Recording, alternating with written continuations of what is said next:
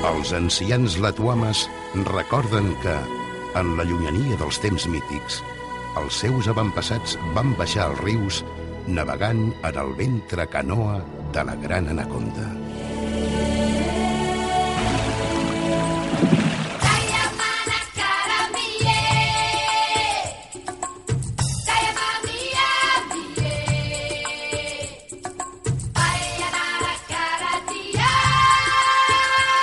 Catalunya Ràdio, els viatgers de la Gran Anaconda, amb Toni Arbonès.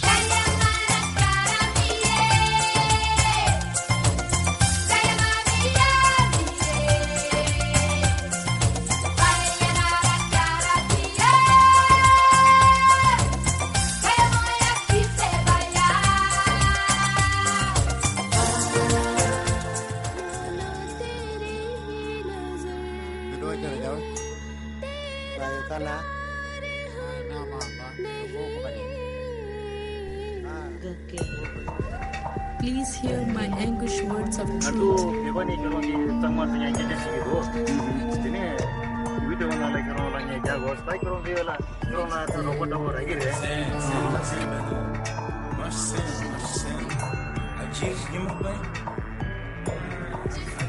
Les llengües de l'anaconda.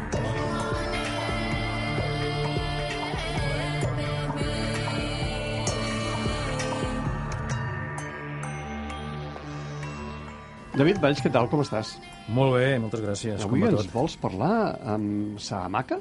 Sahamaka. No ens entendrem pas amb Sahamaka. Ja saps que aquí no ens entenem mai gaire. No, esclar, esclar. No, Sort del català, llengües, que és de la, totes les llengües la que s'entén millor. El que va no? fer el món es va quedar descansat, eh, amb Ah, exacte, llengües. exacte. Doncs sí, parlem del Samaka, que és una llengua d'origen crioll. David Valls, lingüista.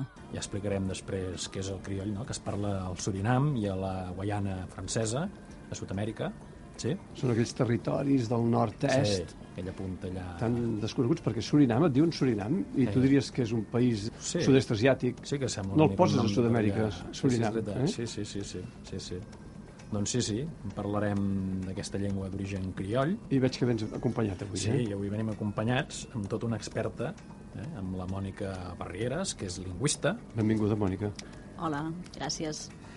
I que va fer el doctorat, va fer la tesi doctoral amb aquesta llengua, amb una tesi titulada Aproximació a la llengua samaca, un assaig i descripció.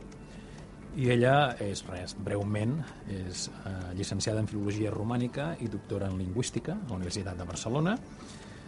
Actualment treballa de professora a la, de, sí, professora a la Facultat d'Educació de la Universitat de Barcelona mateix i també és membre del GELA, que és el grup d'estudi de llengües amenaçades, que, que és un departament, diguéssim, dins de la Universitat de Barcelona que es dedica a l'estudi, doncs això, de llengües amenaçades. No sé si ho he dit bé, en tot cas ella ens ho confirmarà tot. Per tant, no sé, comencem... Parlem del Sahamaka. Que, Parlem del la- Sahamaka, la però comencem una mica- Òbvia, sí. La pregunta òbvia és com se t'acudeix estudiar el Sahamaka? Això que te l'deuen mateix. haver fet, deu ser la primera vegada que et fan aquesta Hi havia alguna pregunta. relació amb la llengua? Tenies alguna relació, alguna cosa? Això deu haver Allò algun que fet dius- fortuït que et porti al Sahamaka. Pot ser allò com el foraster, el programa El Foraster, que llença un dart al mapa i diu, mira, Clar, clar, no, alguna cosa, alguna cosa ha de passar. Doncs sí, la veritat és que va arribar a Barcelona un lingüista català, d'origen català, però que havia viscut sempre a França i que venia de la Guaiana francesa i em va proposar de treballar sobre aquesta llengua. Jo no n'havia sentit a parlar mai de la vida. Però bé, la qüestió és que me n'hi vaig Perquè em va anar. dir, escolta, has de, has de parlar del Sahamaka o estudiar el Sahamaka perquè són una gent interessantíssima, és una parla curiosíssima, és... No, el que em va No, dir és que... aprendre molt bé per... El que em va dir és que allà a la Guyana hi havia gent que estava estudiant altres llengües però que no hi havia ningú en aquell moment que estigués estudiant el Salamanca i que aleshores, doncs, que si volia, doncs seria benvinguda. I això, doncs... I vas fer les maletes i cap a la Guyana I cap allà. a buscar sí. el Sahamaka. Exacte. Que viuen a la selva? Bé, el territori tradicional és a la selva surinamesa, mm? és al llarg del riu Surinam. Eh, a les dues ribes doncs, hi ha els pobles, els vas trobant. Però després, clar, n'hi ha molts que marxen, no? i n'hi ha, hi ha una comunitat bastant important que viu sobretot a la zona costanera, sobretot a prop de Saint-Laurent de Maroni, a la Guaiana francesa. Llavors, bé, jo vaig començar per la Guaiana i vaig anar avançant fins que a poc a poc vaig arribar també a, al territori tradicional, al Surinam. Avançant, imagino la Mònica amb un ganivet d'aquells de, de tallar jungla, no? Eh, per entremig de, quan dels matolls i de les feres i així? No, no, a la carretera. No, no tant. Primer per la carretera. Després ja la cosa ja es va complicant, després agafes un gran camió que et porta per terres vermelles i després ja en Per Piragua. terres vermelles. Sí, perquè és una terra molt vermella, d'aquesta, diguéssim que t'ho embruta tot i vas ple de Amb aquella pols. pols que es sí, tira tot arreu. exacte. I després ja en Piragua, que també és una cosa ben, O sigui, vas ben anar descalça divertida. sobre la terra vermella. Descalça no, amb unes bones xiruques. No, així. Sí, sí, has d'anar ben calçades, sí. Sí, Va, sí, una sí. mica en matèria, abans han dit que era una llengua criolla, jo ja n'he parlat en algun programa, N'has parlat, però com que aquí cert, tenim cert. l'expert en llengües criolles, què és una llengua criolla, va? Doncs aviam, uh, per començar a definir què és una llengua criolla, primer ens cal parlar de què és un pidgin, jo crec, i així ho entendrem millor, no? Un pidgin seria una llengua que té unes estructures doncs, reduïdes, limitades i també molta variació, perquè justament es crea quan dos grups, per exemple, tenen un contacte que no és gaire intens, per exemple per comerç o així, i necessiten un, una llengua, llavors la creen, però és una llengua, clar, que només serveix per aquests contactes, i per tant no és la llengua de ningú i és una llengua que només serveix per això, té vocabulari de comerç, si la fem servir pel comerç.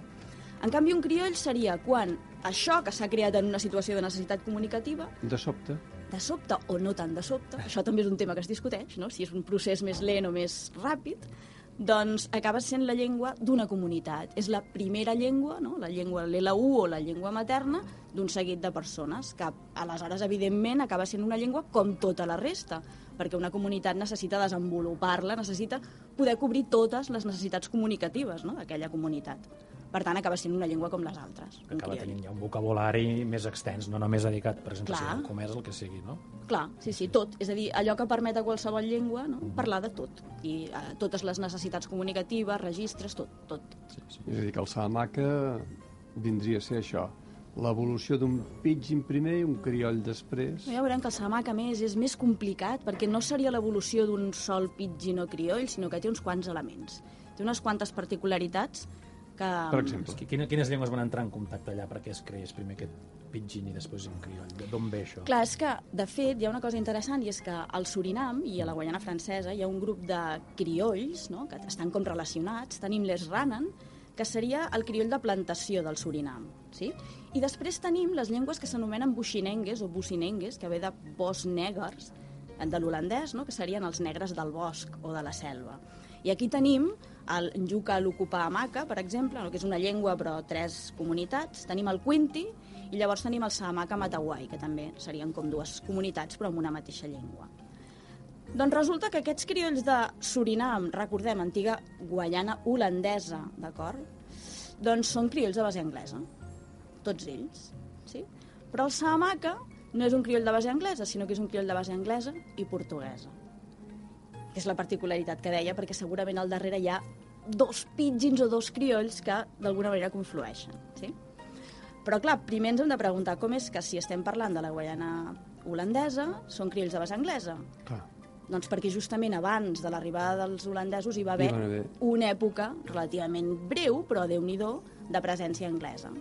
I mm, aleshores se suposa que segurament l'element anglès ja va venir amb aquests anglesos, en alguna forma de pidgin o pu, de crioll, no ho sabem gaire bé, tot això, i que per tant és el que va donar també lloc als, als criolls eh, doncs, eh, del Surinam.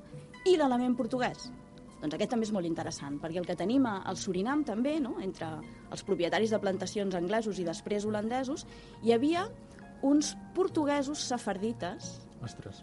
que fugien, o sigui, havien fugit feia uns anys de la Inquisició que s'havia establert a Portugal. I alguns van anar a parar primer als Països Baixos, després alguns van anar a parar al Brasil i finalment van acabar doncs, al Surinam. Aleshores, també, no? se suposa que alguna forma de pidgin o de crioll devien portar aquests eh, portuguesos, de manera que va donar, doncs, també, sí, tenim ara una mica no, la, la, la idea de d'on venen els dos elements, no? l'anglès i el portuguès. Però justament eh, he començat parlant d'això, de, dels, dels, eh, les llengües buxinengue, no? Quina particularitat tenen? Doncs que les llengües buxinengue són parlades per, avui en dia pels descendents d'esclaus cimarrons. És a dir, que es van escapar de les plantacions i van formar les seves pròpies societats a la selva. Llavors, eh, en aquest cas, no, en el cas dels Salamanca, segurament es devien barrejar ja a la selva, parlant d'aquesta variant anglesa i parlant d'aquesta variant portuguesa, que no sabem exactament què era, i a partir d'aquí no, va sortir el Salamanca, que s'ha arribat a definir, per exemple, com un crioll de base anglesa, parcialment relaxificat pel portuguès. És a dir, que hi va haver mots no?, que es van substituir, que l'anglès va substituir per mots d'origen portuguès, però no totalment. Llavors tenim això, no? que el, el, el Salamanca, a més a més, és com potser el resultat de dos criolls. No? Com sona el Salamanca? Com sona? Mm. Doncs és curiós, perquè fonèticament i per, eh, també per la qüestió de, del el model silàbic i tot, recorda bastant, no? així quan la sents, una llengua africana. En canvi, les paraules, la majoria de les paraules no? són angleses o portugueses, tot i que també tenim altres, altres orígens, d'acord? I el portuguès aquest dels sefardites, de fet, ja devia ser un portuguès empaltat, potser de, de, de breu una mica... No gaire, és, tot el que detectem és portuguès, només hi ha una, una paraula, que és el saba, que dona nom a un dia de la setmana, que a més no és dissabte, i això seria un tema no? que hi ha un altre dia. Ostres, ara però hi ha el saba i el dissabte, piqui saba, però seria l'únic, no? Tota la resta en realitat és, és portuguès. Però també hem de pensar això, no? que l'anglès que hi ha en Salamanca i el portuguès que hi ha doncs són això, són del segle XVII, no? també. Això ho hem de tenir clar, que és el moment en què entra, i a més a més després no, aquests criolls no estan en contacte amb les llengües lexificadores, no? amb les llengües que els donen les paraules, per tant, ja no tenen més entrada no? Clar, ja- ja d'això. S'acaba. No? Llavors és una mica... I, I és possible establir en quin moment es comença allò a ser ja la llengua criolla, en quin moment es pot posar una data i dir, mira, ara ja s'han barrejat aquesta gent, aquesta gent i això comença a ser una llengua... Doncs, evidentment, això ha de ser després de les fugides i quan ja s'estableixen a la selva, mm. s'han d'alguna manera barrejat no? els, dos, mm. els dos grups. Llavors tenim alguna, alguna data orientativa. A partir d'investigacions que s'han fet, hi ha una data que podria ser no? la de la primera fugida, que va donar, diguéssim, origen a un dels clans més importants de, del Salamanca, no? que són els Machau. I podria ser cap al 1690. 1690. 1690. Aleshores, d'alguna manera es considera doncs, això, que en els 20-30 anys de després, no? això seria ja la, la llengua que és més o menys avui, evidentment, en el sentit sí, que després, evidentment, ha anat canviant, no? Mm. com qualsevol llengua natural. Però és que també ara es tendeix una mica en, en l'àmbit de la criollística a mirar-se, o almenys hi ha, hi ha propostes de mirar-se els criolls, una mica com tot el contacte de llengües normal, és a dir, una mica a deixar de parlar de l'especificitat de les llengües criolles i de portar-ho més a processos més habituals en el món de contacte de llengües. Sí, sí, sí, n'hi ha molts. Bé, ara jo, com sempre, el Toni ja ho sap, me'n vaig un moment de tema, però és que mentre escolto la conversa, oi, Te'n penso vas, en vas, coses. te'n vas molt lluny? O... No, no, no, no. Clar, jo ara pensava, quan els normans van arribar a Anglaterra i van portar el normand, que no era francès, ben bé, però és igual, van portar el normand cap allà, no? Uh, I aquest canvi tan fort que va experimentar l'anglès, que és una llengua germànica, no? Que gràcies als normands, doncs per nosaltres, encara que hi hagi gent que digui que no, és una llengua fàcil, no? Clar, de fet, l'anglès és un crioll com una casa, no? O no? Què Bé, en penses? d'alguna manera sí que hi ha aquest procés Ara que de... no ens sent ningú, eh? Sí, sí. Aquest mateix procés que dèiem de relaxificació, no? D'alguna manera, és a dir, de substitució no? de, les, de les paraules. Segurament seria això també, una, una mica, potser no un crioll, però bé, dins d'això que dèiem, no? del contacte Sí, de la sí, llengua, sí. és una cosa una mica barrejada, no? És a dir... molt barrejada, perquè Bueno. té, té un... imp- Vaja, ara no sé el percentatge Sí. de, de llatinismes o de, o de, fran, de, de, de, de galicismes en Mhm. anglès, que és brutal, i a més a més tenen aquesta duplicitat a vegades de vocabulari, on tenen la paraula, no sé, ara se m'acut porc mateix, no? Pic, que és la paraula germànica, no? I després quan el tens a taula, a més a més, clar, coses de cuina Sí. sí. venen dels francesos, no? dels normands, Sí, sí. diuen porc, no? I gràcies a vegades a aquesta duplicitat és per això que l'anglès, el vocabulari és molt fàcil, perquè vas a buscar les llengües germàniques com l'alemany mateix, l'holandès, i veus que llegeixes allà i no entens res. I l'anglès no passa tres paraules que no n'entenguis una. El que passa és que si pensem en català no? i també en com incorporem coses del castellà, potser també, També. es podria interpretar no? això que va passar en anglès com un procés de substitució que no va acabar. Clar, potser hagués durat, eh, l'anglès ja s'hagués perdut del tot i hagués quedat un, no sé, diguem un francès, un normano, empaltat amb un substrat. Exacte. Una mica com quan parlem del catanyol aquí, no? Aquesta Exacte. sensació de... Hagués quedat una cosa així. Tornem al Sí, sí. Bé, bé, tornem al. Salamanca. Tu arribes a la Guyana i com ho fas per eh, introduir-te a les comunitats de parlants del Salamanca? Jo, primer de tot, vaig començar treballant en un laboratori, no? I a partir del laboratori, que coneixien gent... Era un vaig- laboratori de química? Era no, era l'IRD, era l'IRD, no? l'Institut de Recherche pour le Développement francès. correcte. Llavors hi havia un laboratori de lingüística dins d'aquest- d'aquesta estructura, amb lingüistes per Ho allà que perquè quan es diu treballaven. laboratori tendim a pensar en qüestions, no? Sí, Hem de en provetes, i... i... exacte, coses d'aquestes. No, però els sí, sí. lingüistes també tenim laboratoris. Per això era bo de matisar Sí, sí, sí. Llavors vaig començar a treballar amb uns informants que em van proposar eh, primer fent elicitació, no? és a dir, que d'alguna manera tu vas preguntant, vas eh, demanant, i això com ho dius, llistes de paraules, fotografies, i així vaig començar una mica a avançar amb la llengua, Aprendre Salamanca. a aprendre Salamanca. Després ja vam començar amb textos, no? I a partir d'aquí ja em van dir, ara ja seria qüestió que anessis a alguna comunitat. Treball de perquè- camp. Sí, treball de camp i immersió, no? I a partir d'aquí vaig, vaig anar a parar a un, a una, bé, un assentament a prop de la carretera, no? de, de, a prop de Saint-Laurent de Magony, la carretera que va de Cayena a Saint-Laurent, però molt a prop de Saint-Laurent de Magony, on hi havia doncs, un, un poble, Salamanca, que s'havia instal·lat allà, no? i feien, bueno, feien vida bastant a la Salamanca, però allà, allà al mig. Quedaven bastant, bastant amagadets. Però ells que són pagesos, són ramaders, són mm, recol·lectors de mel al bosc... Eh, tradicionalment eren pagesos, és a dir, sobretot les dones, les dones cultivaven, i per cert cultiven arròs, és a dir, la base de l'alimentació és l'arròs. Veus, veus com quadres Surinam, sud-est asiàtic i arròs. Sí, sí, No? sí. Un altre element que ens porta... Sí, sí. És Ui. un país desubicat. Ui, després, uf, hi ha gent de Laos allà també que cultiva arròs molt bé a la Guaiana Francesa, això també és molt interessant. Gent Però de Laos sí, que conrea arròs a la Sí, i Guiana més Francesa. coses, se n'han sortit molt bé i han cultivat moltes coses de... Sí, sí, això seria un altre tema, però... Llavors, eh, dèiem això, no? Eh, cultiven, doncs, vegetals i arròs, i els homes caçaven tradicionalment. No tenen bestiar perquè a la selva no pots tenir bestiar, però caces. I a més a més, clar, tenien tot un seguit, això que diem, no? que les, els, la, diguéssim, les comunitats que viuen a la selva cuiden l'entorn, no? no cacen desmesuradament, sinó que tenen uns sistemes de control, tenen uns tabús, tenen tot un seguit de coses. Si són indígenes, sí, si són colons és diferent. Efectivament. Sí, en aquest cas Sí, són sí. indígenes, no? Ah, Perquè fa exacte. molts anys que estan establerts en allà. I Sí. sí. quanta gent parla el Samaca, aproximadament? Aviam, no tenim dades oficials, evidentment, però hi ha una estimació del 2014 que ens parla de 90.000 persones, 90.000 samaques. I, de fet, d'en Lluc a l'Ocupama, que també en serien uns 90.000, i després ja anem una mica més avall amb, amb els més petits. Escampats per assentaments vora la selva. Bueno, ara, ara us dic perquè és interessant, perquè en realitat estan molt, molt repartidets. Aviam on ho tinc, això, les dades, perquè justament n'hi ha molt poc, és el territori Saramaca. Uh, dèiem, 90.000 persones, doncs només unes 28.600 viuen al territori tradicional, d'acord? De fet, en general, totes aquestes serien dones i nens, o gent gran. Els les homes... que viuen als territoris tradicionals. Sí, Els el homes, que seria... com que són caçadors, doncs hi corren món, no, David? Exacte. Bé, la qüestió és que cada vegada menys poden viure així perquè necessiten coses o volen tenir coses i molt sovint els homes marxen a treballar fora, Ja, d'acord?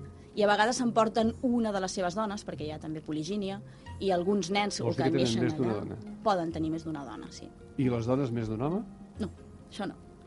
Oh, hi ha cultures que sí. Sí, aquí no. No Hi ha cultures doncs, que els homes No. eren pastors i de sobte, doncs, com que l'home estava molt temps fora, Eh. la dona tenia dret a amistançar-se amb el seu germà o amb algun. Amb el tifós. No, aquí no. En canvi sí que són matrilineals. És a dir, que la... La, La línia que marca? La línia és, és, eh, és femenina, sí. Això en Carles Santa Susagna, que va viure a la, a la selva de la Guyana francesa molts anys i que havia fet cròniques per aquest programa, me'n recordo que m'explicava que algun cop havia anat en, en festes de les comunitats i diu, les dones ballaven amb els tambors grossos, pom, pom, pom, pom, pom, amb els peus a la terra.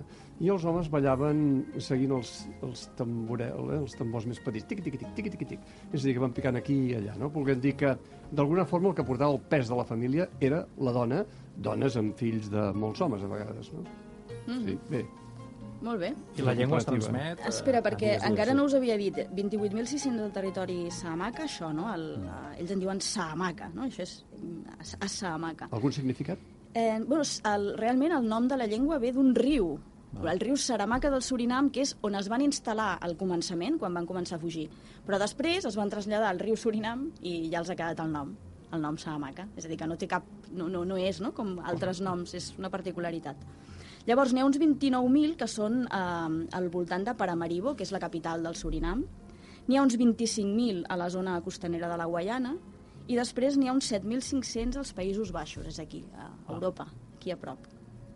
Clar, perquè tenen algun acord allò amb els països, els secs, Bueno, clar. Surinam, clar, evidentment encara té una vinculació evidentment més estreta no? amb, amb els Països Baixos. mena de privilegi, diguéssim, Sí. allò polític de que els donen la nacionalitat... o Suposo que deu ser més fàcil. Més fàcil Deu ser més fàcil. El Surinam és un país que no t'imagines, eh? No, no. No, per exemple, no no. hi he estat. Paramaribo, la capital, doncs no te l'imagines, no? No, no. Doncs Paramaribo té una zona molt maca, eh, una zona així com colonial de tipus anglès, molt Mm. bonica, i després la resta és un caos. I a més és bastant, és bastant perillós.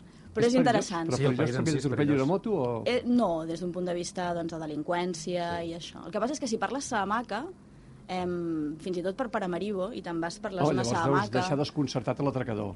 Sí, bé. O agafes taxis, per exemple. Clar, um, si parles Salamanca, pots, diguéssim, regatejar amb els taxistes. I això és molt pràctic. Però és no una llengua molt estesa, doncs, el Salamanca. Bueno, clar, perquè n'hi ha per allà. I a més a més, el Salamanca que, els homes Salamanca que no són a la, a la comunitat fan feines Ja. normalment bé, informals, mal pagades. Per tant, hi ha, hi ha taxistes a Paramaribo que són salamaques, o si no també, eh, a partir del salamaca, eh, podies una mica intentar entendre i parlar esranen. Eh, Es ranen. Ranen, que és aquest que dèiem, no? que era el, el, el crioll de, la, de plantació, el que s'havia continuat parlant i a més a més que té molt d'holandès, perquè ells sí que van estar en contacte amb l'holandès, no? Però com que jo estudiava tot això alhora, doncs a vegades podies fer coses així, treure-li el portuguès, no? fotre-li l'anglès i les R's. Llavors deies, aviam, no? I a T'aclaries, t'aclaries, eh, sí. Mònica? I, i, I què et deien? Què et deien? Devien quedar sorpresos d'on surt aquesta parlant samaca aquí, no? Clar, sí, era bastant sorprenent. Sí, Clar, sí. devies trobar-te amb alguna escena curiosa, no? Bueno, era, però al final era, era aquesta cosa una mica de dir, mira, no, pues te parles salamaques. Clar que de vegades també anaves amb salamaques, no? En fi, era, era una cosa Com així. són els salamaques? Com són? Sí. Com ens doncs hem d'imaginar? Negres. Doncs, Són negres, sí. Negres, sí. Sí, sí. Val. I la llengua es transmet a pares de fills? Està en recessió? Aviam, jo he de dir que, mm, clar, jo fa anys que hi vaig ser i tinc la sensació que el món ha canviat una mica. Quan hi vaig anar es transmetia de manera absolutament general, perquè també, justament, no, això que deia, els homes, els homes sí que marxen de la comunitat per fer feines, però les dones no, i les dones són monolingües, no parlen cap altra llengua. Ah. Per tant, transmeten la llengua Si no, clar, quan ets monolingüe, no tens més remei. és l'única llengua que hi ha per Sí, transmetre, no? Sí, sí. Per tant, sí, es transmetia de manera general. El que passa és que tinc la sensació que això, no? en aquests anys hi ha hagut alguns canvis socials i fa un any i mig vaig tenir això, no? per coses d'aquelles que passen, vaig estar parlant per WhatsApp amb una noia samaca que resulta que ja està vivint a Paramaribo ella sola i treballant. És a dir, que suposo que hi ha hagut canvis que fan que Que això era potser... impensable anys enrere? Era impensable, sí. No era Que una dona cosa. marxés per ella mateixa sola a treballar a la capital? Hm, era impensable. Llavors, els, seus- els seus parlants són, ara que has dit que les dones són monolingües, bàsicament, en general són monolingües. Doncs. Les dones, no? Sobretot. Les sí, dones, Les dones. les Clar, els dones. homes, clar, si se'n van a la capital... Els homes, clar, quan van allà on vagin, Aprenen. doncs aprenen de manera informal i com poden, no? És a dir, bueno, eh, la, la llengua que toqui, clar. I quina és la situació legal, diguéssim, del SAMA, que és oficial, s'ensenya a les escoles... No té o... cap reconeixement Res. ni al Surinam ni a la Guaiana francesa. Em, al Surinam la llengua oficial és l'holandès i a la Guaiana francesa el francès. Però cal dir una cosa que és, que és interessant de, de la banda de la Guaiana francesa i és que sabem que França no ha signat la carta aquella europea Sí. regional de Mm, llengües. Però sí que és veritat que en un moment determinat els, els van encarregar, van dir, bé, si la signéssim no? o la ratifiquéssim, quines llengües afectaria això? I es va fer una llista una llista de les llengües que, en cas no, que això passés, sí. quines llengües inclouríem. No? Llavors, a, a tots els territoris, no sé, a, mm, això, a Martinica i a Reunió i a la Guaiana francesa, van dir quines llengües de la Guaiana francesa hi hem d'incloure. I s'hi va incloure no només la Luco Yucapahamaca, que de fet és, és no, propi de, de la Guaiana, sinó també el Salamanca. Per tant, d'alguna manera podríem dir que el Salamanca, eh, com a llengua, políticament, és una llengua de la Unió Europea. Ah, esclar. Però clar, geogràficament no, i de moment tampoc no és que tingui cap efecte perquè això, perquè a més tampoc podem esperar gran cosa. Però Eh, té de... alguna mena de prestigi o desprestigi? Està mal vist, els que parlen samaca? Aviam, el simplement no i, res? i tots els buixinengue Mm. eh, estan molt estigmatitzats. D'alguna manera també és això que passa no, entre, diguéssim, les comunitats de la selva, no, en comparació amb el que serien les comunitats de la ciutat. Clar, perquè es vincula amb un estrat social determinat, no? Sí, a més, clar, són gent que normalment, eh, en els últims anys i encara, no?, estan poc alfabetitzats, eh, fan feines, evidentment, no?, de, bueno, Per tant, no s'ensenya a les escoles, doncs. no s'ensenya a les escoles. Eh, de fet, eh, al Surinam sí que en els, els anys 60-70 del segle XX, les primeres escoles que hi va haver, no? escoles, diguéssim, externes, la van fer, les van fer missioners. I sembla que en aquests primers moments sí que van funcionar en Salamanca. I hi ha alguna generació, no, això, la gent que va poder assistir a aquestes escoles que va ser alfabetitzada en, en Salamanca. Però després, després quan ja això va passar a, al que és el govern del Surinam, no? doncs ja mai més. Eh? Les classes es fan en holandès i és molt estrany també que hi hagi algun professor, algun mestre que arribi allà que parli sama, que normalment no en parlen perquè venen de la ciutat, o pot ser que per casualitat n'hi hagi algun que hagi fet camí, que en sàpiga. I a la Guaiana Francesa doncs, també és en francès. Hi ha un fracàs escolar increïble, evidentment, us ho podeu imaginar, no? si arriben a l'escola que no ho entenen. I, de fet, a la Guaiana Francesa passa el mateix també amb les comunitats indígenes, amb els amerindis, que també tenen el mateix problema. Ja, ja, ja, ja. Els envien a l'escola i dius, què m'està dient? Aquesta... Són nanos que tota la vida han parlat amb Salamanca, de sobte apareixen a l'escola i allà parlen en una altra llengua. Sí, com en tants altres llocs del I món. s'han d'espavilar. Sí, sí, sí. Per tant, però hi ha un sistema d'escriptura, vull dir, hi ha una gramàtica feta, una ortografia feta... A veure, em, sistema d'escriptura, l'únic que hi ha és el que va proposar el SIL. No sé si aquí n'heu parlat, del Summer Institute No, of no, no, Linguistics. sí, jo sé qui són. que no- són uns lingüistes, diguéssim, eh, bàsicament, bueno, que busquen difondre la paraula de Déu, Exacte, bàsicament, sí. no? O sigui, que, que la lingüística està al servei de la religió, de la sí. i aleshores van estar instal·lats al Surinam i van fer tot un seguit, bueno, van traduir el testament al Salamanca i van fer altres I aquestes materials. esglésies van uf, Exacte. aquests territoris Sí, buscant adeptes. Sí, sí, sí. Aleshores, diguem que hi ha un sistema, però no és un sistema ni gaire fiable ni acordat, és un sistema que aquesta gent va plantificar allà i ja està. Després hi ha hagut alguna altra proposta a la Guaiana francesa, però que no tenia tampoc gaire fonament lingüístic, i al final el que passa és que la gent que sap, no, que està alfabetitzada, doncs escriu una mica com li sembla. Mm, Escriu, doncs, bueno, amb solucions del, del renantongo o del, de l'holandès o del francès, del que tens a mà, doncs més o menys vas fent. No? I una mica allò que diuen vulgarment, tal com sona, no? Bé, com, sí, com es pot, o... No desconfiaven de tu, Mònica, al principi, quan anaves allà a aprendre a Salamanca, a les comunitats? És que no he entès la pregunta. Sí, no desconfiaven de tu? És a dir, no mal pensaven en el sentit què vol aquesta ara aquí? Quines són les seves pretensions? Evangelitzar-nos? Doncs- Eh... Justament és és interessant això perquè és, és un problema, no? és, una cosa que pot passar. Però jo vaig entrar a, en, aquest, eh, en aquest primer poble no? de, de la Guyana, a prop de Sant Logan de Magoni, amb un informant, Saamaca, no? un, una persona amb qui jo havia treballat, que em va dir jo t'hi portaré, et presentaré formalment et presentaré formalment al, al cap del poble, li hem de portar algun regal, no a ell, sinó per la Casa dels Esperits, que en deien, no? Van Correcte. portar arròs i van portar rom per fer libacions. O sigui, clar, em va, diguéssim, d'alguna manera indicar com havia d'entrar-hi i em va ajudar a entrar-hi. I, I va preguntar si m'hi podia quedar uns dies. Llavors jo vaig entrar-hi. I, I el més divertit de tot és que, clar, em pregunten com em dic i dic Mònica, i em diuen Mònica i comencen a dir Mònica, Mònica, i jo pensava, què passa? Ai, ai, ai. Llavors- Què, què vol dir això amb sa maca? Poder? No, no, no Ah. vol dir res. Ah. Passa una estona i arriba una altra blanca al territori, o sigui, allà on jo, jo hi era, no? I comencem a parlar en francès i em pregunta, i tu d'on ets? De Barcelona. I tu? De Valladolid. I es deia Mònica. Ja estava fent un treball en etnoecologia també en aquell poble. Ostres. Llavors, a partir d'aquí van fer també mm, treball de camp juntes i també va ser una cosa molt, molt enriquidora per les dues. no? Veig que és molt tribal, no? Són tribus, de fet. Si hi ha un cap de poble, si s'han de fer ofrenes determinades... No sóc gaire fan d'aquesta paraula. Vull dir que... Digues, no?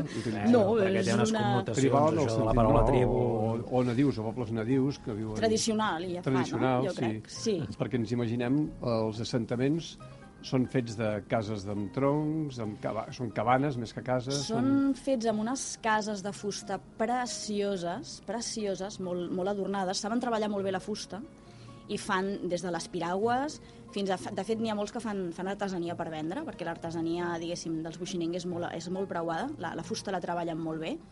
Eh, I les cases són molt boniques. Però és que són cases que només fan servir bàsicament per dormir. Ells viuen molt a fora.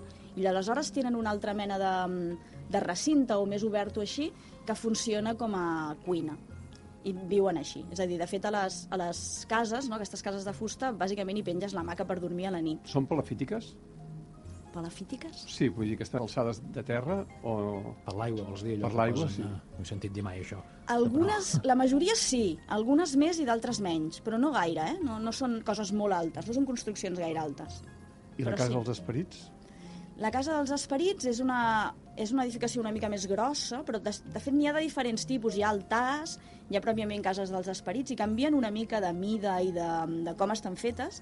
En aquest lloc n'hi havia una que estava feta, era una mica més grossa, era rodona, i estava feta com en palla, diria. I sí, sí, aquí I fèiem funció té? reunions. Doncs aquí vaig viure coses molt interessants, i és que fan cerimònies, i hi ha una cosa també que jo havia llegit i vaig poder veure i viure no? in situ, que és que de vegades amb ells els, ells ho diuen m'ha agafat un esperit, no? hi ha gent que té esperit Que i ara m'ha posseït. posseït. Exacte. I aleshores comencen a parlar llengües rituals, També n'hi ha. també n'hi ha, que n'hi ha algunes que són, se suposa, perquè no es poden estudiar gaire fàcilment, no et deixen gravar res a la, a la casa dels esperits, està prohibit Ni prendre gravar notes? Prendre notes es que està comença a parlar bastant, bastant difícil, però justament un, una dona no, que va tenir això, no, que m'ha agafat l'esperit, que m'ha posseït, parlava una ingitongo, que en aquest cas seria una llengua índia, ingitongo. Però n'hi ha d'altres que, o sigui, que tenen altres noms i que en principi tenen un, un component més, més fort, més potent de, de, de, de paraules africanes, no? d'origen africà. Que la llengua ja, ja té, eh? també hi ha paraules d'origen africà que es fan servir encara ara. En sabies dir alguna paraula, per exemple, abans has dit que tenia de base anglesa, base portuguesa, no, no sé, per posar exemples d'una paraula de cada llengua de la qual està formada el... Sí, a més a més és, és un, tema, un tema bastant divertit perquè, per exemple, l'anglès i el portuguès no saps mai quan una paraula que et trobaràs serà anglès o portuguesa. Fins, al, fins a l'extrem que de vegades hi ha com conce- conceptes que van junts i, i després n'hi ha un que és samaca i l'altre, ai, perdó, portuguès i l'altre és anglès. No? Per exemple, tenim esside, no? que és ahir. Tide és avui, però demà és amanyà portuguès. portuguès. No? O tenim eh, dormir, del portuguès, no? sonyar, del portuguès, però weki, no? de wake, de l'anglès. Ah, O tenim començar, que és begir, però cavar, que és del portuguès. No? I ara us faig una mica una juguesca. Aviam si, Ai, si ai, ai. interpreteu... Ah. És a dir, us diré tres paraules i aviam si podeu eh? imaginar què hi ha darrere, perquè aquestes que us he dit... que és lingüista, eh? ui, jo sí. soc periodista. Però sí com si sapigués samaca jo, sí. Però aquestes que us he dit s'endevinaven bastant bé, Més no? o Es menys, sí. veien. Amb el portuguès l'he vist clar, sí. Sí, sí. A veure, si jo us dic sumuku, què us fa pensar sumuku? sí. Sumuco. Sumuku. És de l'anglès. És de l'anglès. Molt bé. Smoke. Smoke. Smoke. Que Sumuku. fumen aquesta gent? Bueno, no, Bueno, però fan dir fum. focs. Sí que fumen, també fumen, els homes. Sí. Els homes. Clar, això també en diu de com és l'estructura de la llengua, que no poden acabar amb, amb, amb síl·laba travada, no? Exacte, les Complexa. síl·labes tenen només, en, en coda només trobem nasals. Exacte. Per tant, això, no? Al final, a final de síl·laba només podem trobar una nasal. Aleshores, clar, emplenen no? tot el que falta. I si us dic citono, ja tu que li has agafat? Sí, pedra. Pedra, molt bé.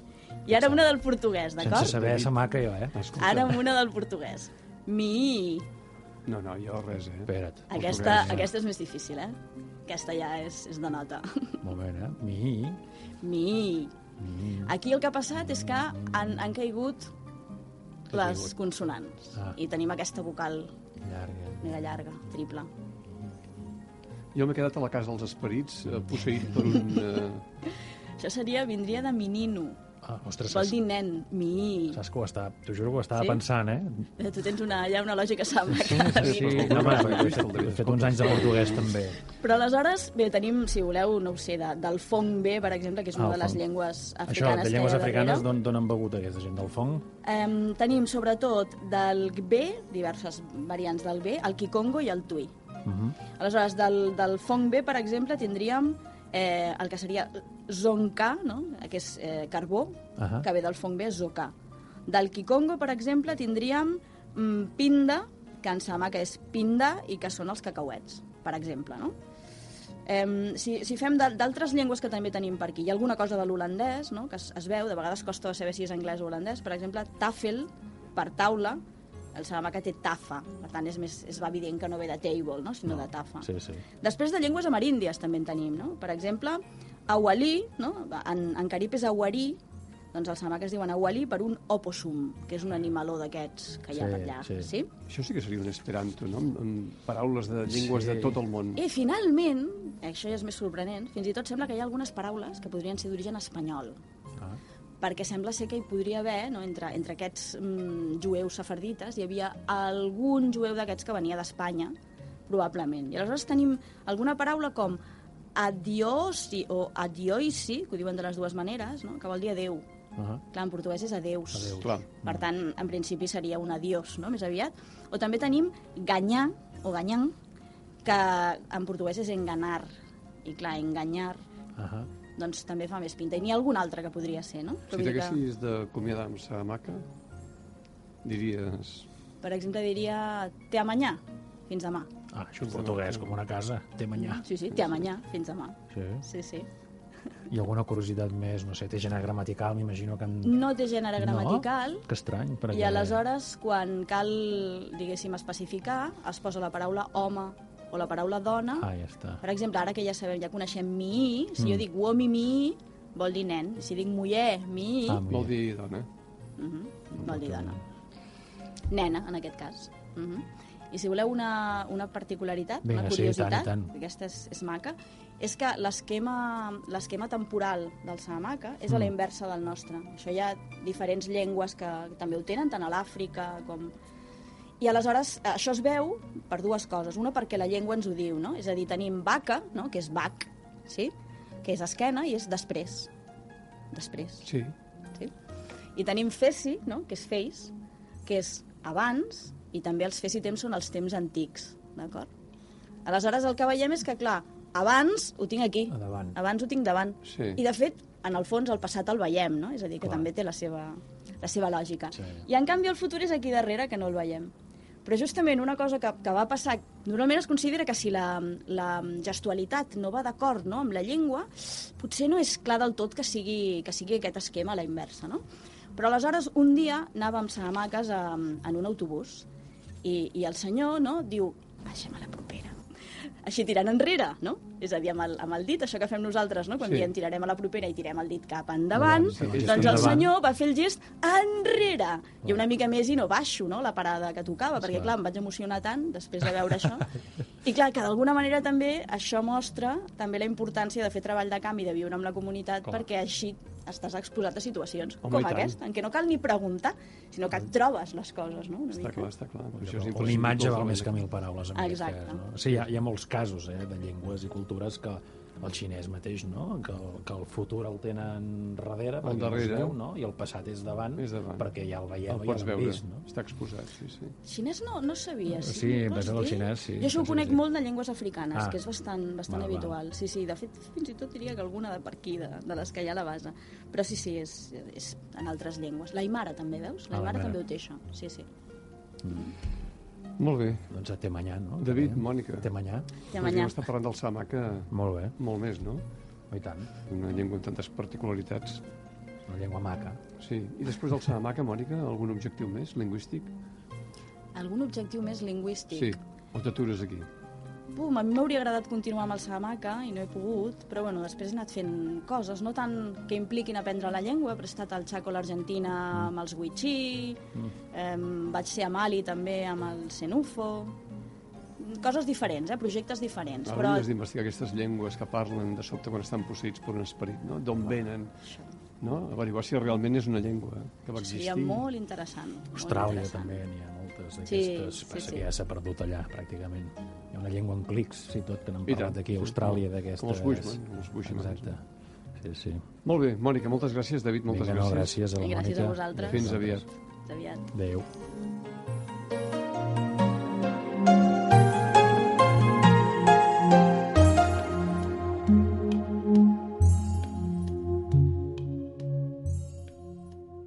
Els viatgers de la Gran Anaconda, amb Toni Arbonès.